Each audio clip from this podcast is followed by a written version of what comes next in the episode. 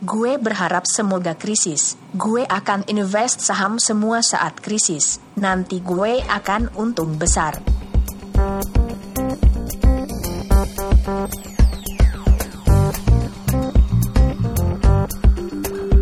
Halo pendengar, saya Arif Widianto, host Anda di podcast Investor Cerdas. Investor Cerdas adalah podcast investasi saham untuk investor pintar. Kami fokus bagaimana meraih kesuksesan investasi yang aman, berkelanjutan, khususnya mengaplikasikan paradigma investasi nilai atau value investing. Untuk mendengar komentar kami tentang buku The Intelligent Investor, silahkan ikuti 20 episode awal podcast ini.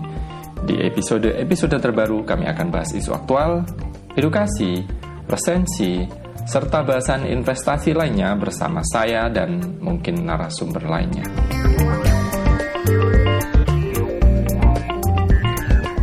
Saudara pendengar, mungkin Anda familiar dengan contoh dialog-dialog yang saya ungkap di awal episode kali ini.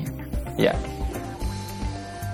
ada yang Anda juga mungkin sering baca beberapa artikel, insight, analisa, presentasi, dan banyak lagi yang yang membuat kita semua khawatir tentang arah ekonomi kita ke depan. Nah, apalagi nih dalam pekan-pekan ini, kita semua tahu uh, di Jakarta sedang lagi ramai demonstrasi, ramai memprotes tentang beberapa RUU baru yang yang disetujui oleh DPR. Demonstrasi itu tentu saja sangat biasa di alam di iklim sebuah negara yang menganut uh, menganut demokratisasi. Masalahnya, kita semua khawatir hal ini akan membawa ke instabilitas politik. Kita semua khawatir hal ini akan menghalangi arah kemajuan atau pembangunan negara kita ke depan. Sebagai pribadi, sebagai salah satu warga negara Republik Indonesia, sebagai salah satu pembayar pajak dan kemudian sebagai salah satu investor di perusahaan-perusahaan Indonesia. Saya berharap semoga uh, kekhawatiran kita tentang instabilitas politik, tentang uh, paling tidak semakin maraknya isu politik identitas, tentang hal-hal yang kita kira regulasi atau penegakan uh, administrasi atau hukum yang masih kacau. Semoga kita ya, semoga ke depan hal-hal itu semua bisa ada solusi, bisa ada arah yang lebih baik sehingga kita semua bisa bekerja, bisa fokus, bisa melanjutkan pembangunan dan kita menikmati menikmati pembangunan ini. Ya, saudara. Sekarang tentang krisisnya sendiri ya. Kekhawatiran-kekhawatiran itu tentu saja menurut saya masuk akal. Masuk akal. Apalagi kalau Anda sudah punya kemampuan atau pernah membaca tentang analisa-analisa makro.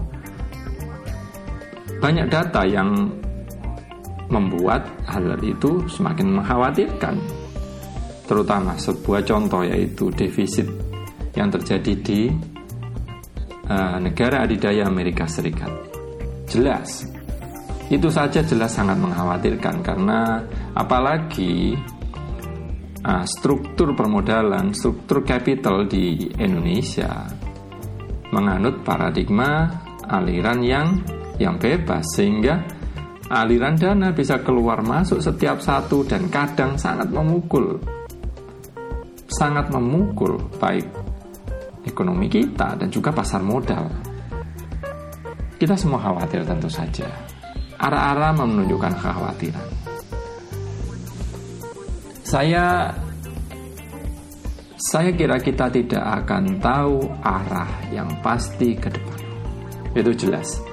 baik arah di dalam negeri, arah arah stabilitas baik politik, ekonomi, atau arah ekonomi global, kita jelas nggak akan tahu. Meskipun banyak perkiraan-perkiraan yang mengkhawatirkan hal-hal itu. Namun saudara, sepanjang saya membaca beberapa sejarah ekonomi dunia, baik Mohon diingat ya, saya bukan berarti menunjukkan saya ini tahu hal-hal ini. Namun ini adalah sepanjang apa yang saya ketahui ya.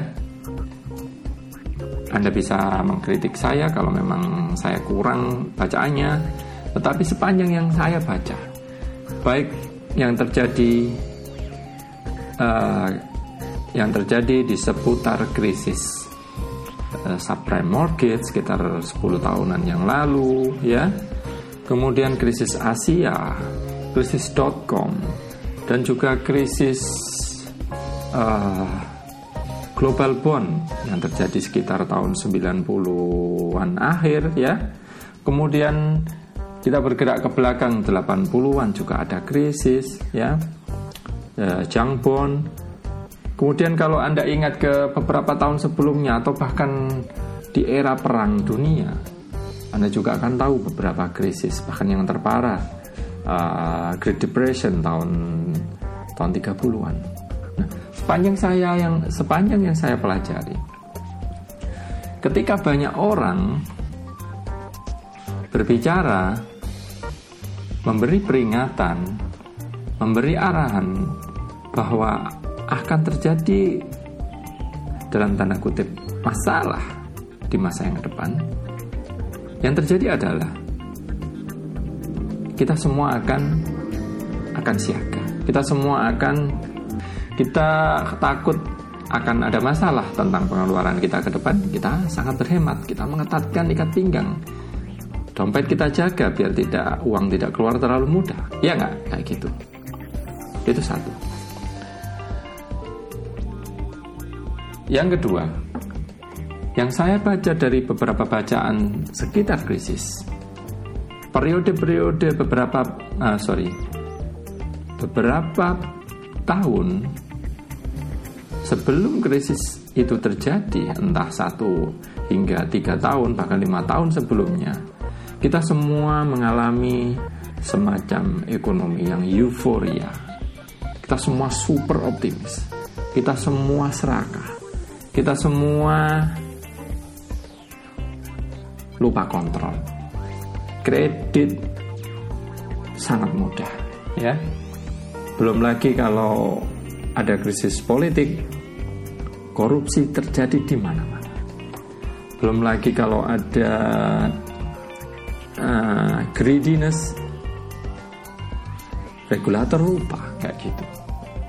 Biasanya seperti itu yang terjadi itu krisis-krisis yang besar yang saya baca di sekitar tahun 97-an atau hingga uh, di sekitar 2007 ya. Mungkin ada gejolak-gejolak ringan, krisis ringan itu biasanya masalahnya adalah pengetatan ekonomi. Kayak gitu. Oke, saya tidak membuat kesimpulan apa-apa tentang itu. Mohon diingat ya, saya tidak mengarahkan Anda tentang apakah yang akan terjadi karena saya sesungguhnya tidak tahu. Saya dan saya juga tidak ingin meramal karena karena itu adalah kelemahan saya nggak ahli saya dalam hal itu.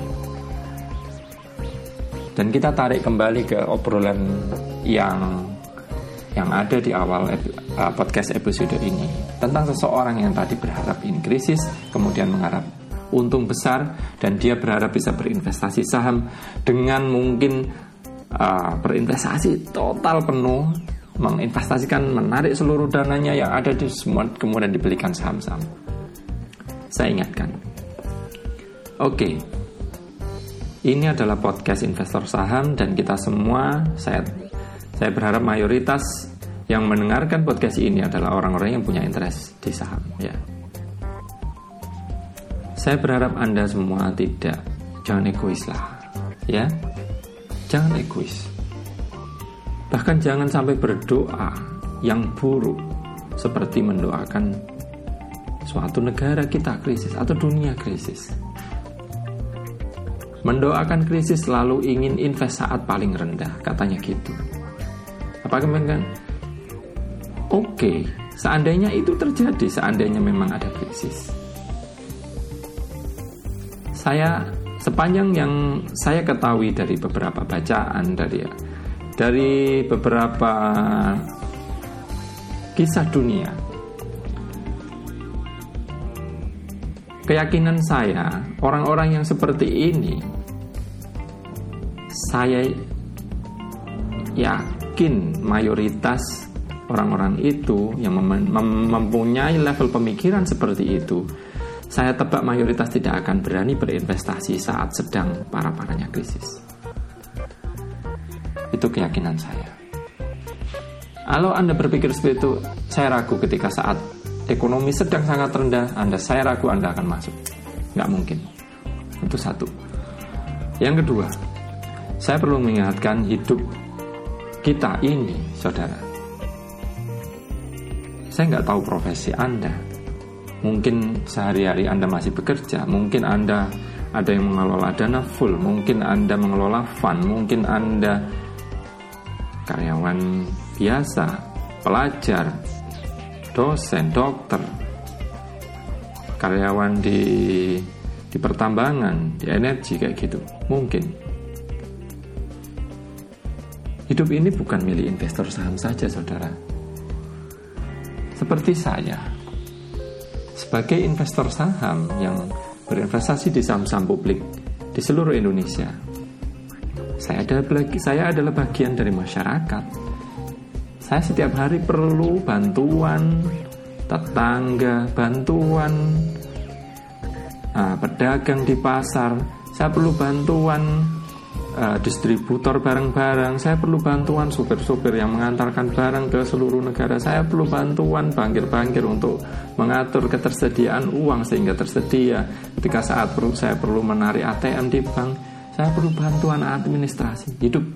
Uh, sorry, saya perlu bantuan administrasi di beberapa lembaga pemerintahan.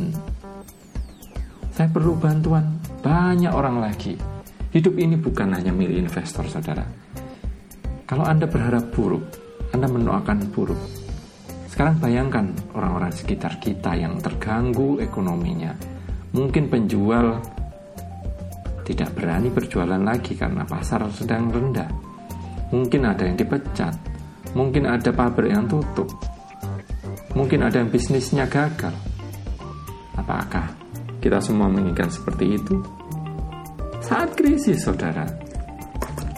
Krisis itu tidak hanya untuk Anda sendiri. Krisis itu akan akan menyikat, akan mempengaruhi seluruh masyarakat tatanan kita. Masa kita ingin seperti itu? Saya berharap tidak ya. Saya berharap tidak. Janganlah kita berdoa buruk kepada lebih banyak orang. Siapa tahu doa itu akan kembali ke kita. Agama saya mengajari seperti itu. Guru-guru saya mengajari seperti itu. Ya seandainya mungkin hal buruk terjadi, kalau kita semua berdoa yang baik, ya kita kita bisa bertahan, kita bisa memperbaiki, kita bisa bisa bertahan hidup untuk melanjutkan untuk melanjutkan kehidupan, untuk melanjutkan ekonomi, untuk melanjutkan pembangunan kan kayak gitu. Oke. Tapi memang sekarang saya kira saatnya kembali lagi ke bahasan kita sebagai investor saham. Kita sebagai investor saham mengisi kehidupan dalam rangka mengalokasikan kapital sehingga kita nanti berguna sebagai salah satu mesin dalam tatanan di masyarakat ini. Kita sebagai investor saham itu bagaimana? Ya, sebaiknya kita tetap terus bijak. Kita tetap terus konservatif kan kayak gitu kan. Kita terus hati-hati, kita terus belajar. Namun saya perlu mengingatkan khusus untuk antisipasi krisis. Ada dua hal yang akan dihadapi oleh setiap investor. Yang pertama, yaitu risiko tidak berinvestasi. Adalah orang-orang yang mengambil arah bahwa mereka keluar dulu dari pasar. Resiko tidak berinvestasi jelas ada. Jika krisis terjadi namun tidak separah yang dibayangkan dan kemudian nanti gejolak ekonomi selesai, pembangunan berjalan, masalah bertahap pulih, ekonomi makin baik, pasar saham kemungkinan ikut baik. Maka orang yang tidak berinvestasi akan kena risiko tidak menikmati pertumbuhan investasi. Itu jelas. Itu risiko yang pertama. Risiko yang kedua, saudara, risiko investasi. Jika krisis yang jika krisis itu terjadi, maka orang ini yang berinvestasi tentu akan terkena investasinya. Jelas. Tapi saudara ingat, yang terkena tidak hanya orang ini, yang terkena semua orang, semua kena. Iya enggak? Lalu kemudian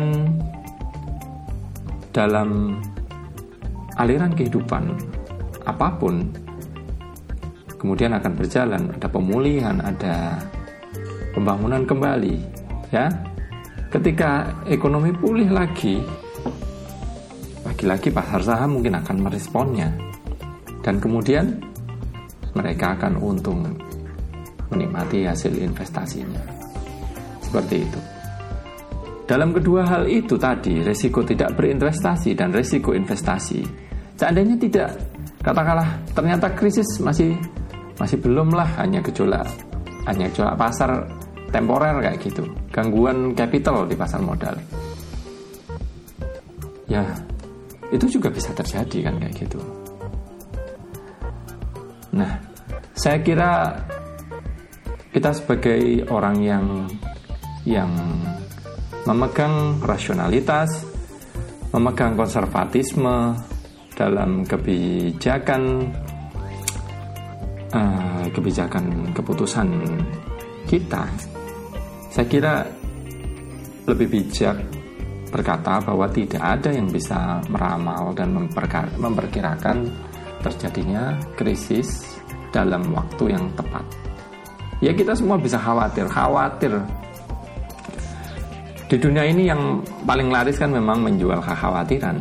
Lihat Anda baca di koran, semua beritanya mayoritas kekhawatiran, tidak ada yang berisi optimisme kan? Khawatiran itu laku. Nah, itulah penyakit manusia dalam dunia modern karena banyak.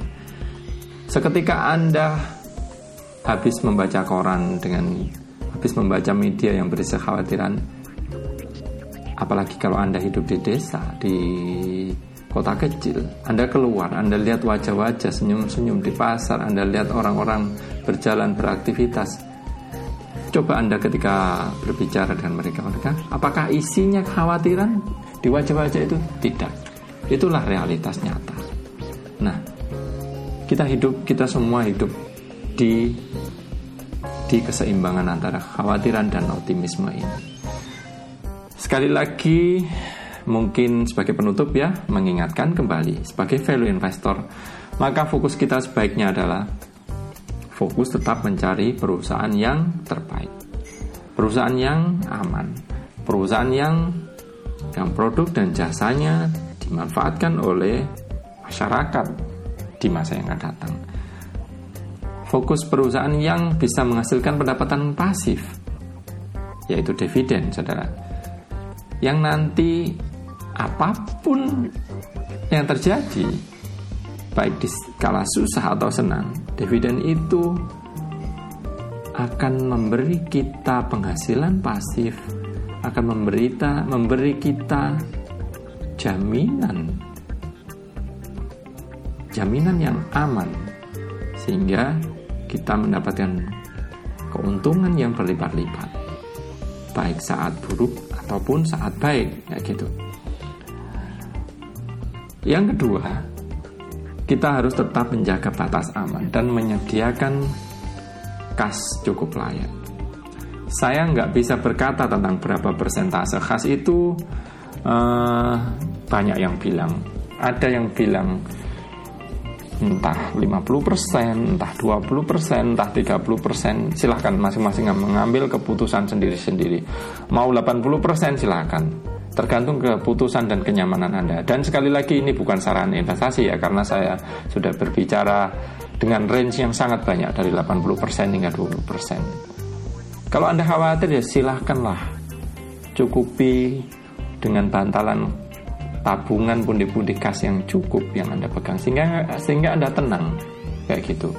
Nah, kemudian nanti kalau ada masa yang cukup baik tetap beli perusahaan yang tadi yang perusahaan yang terbaik, aman dan harganya masih terjangkau, masih murah. Saya kira itu ya saudara. Uh,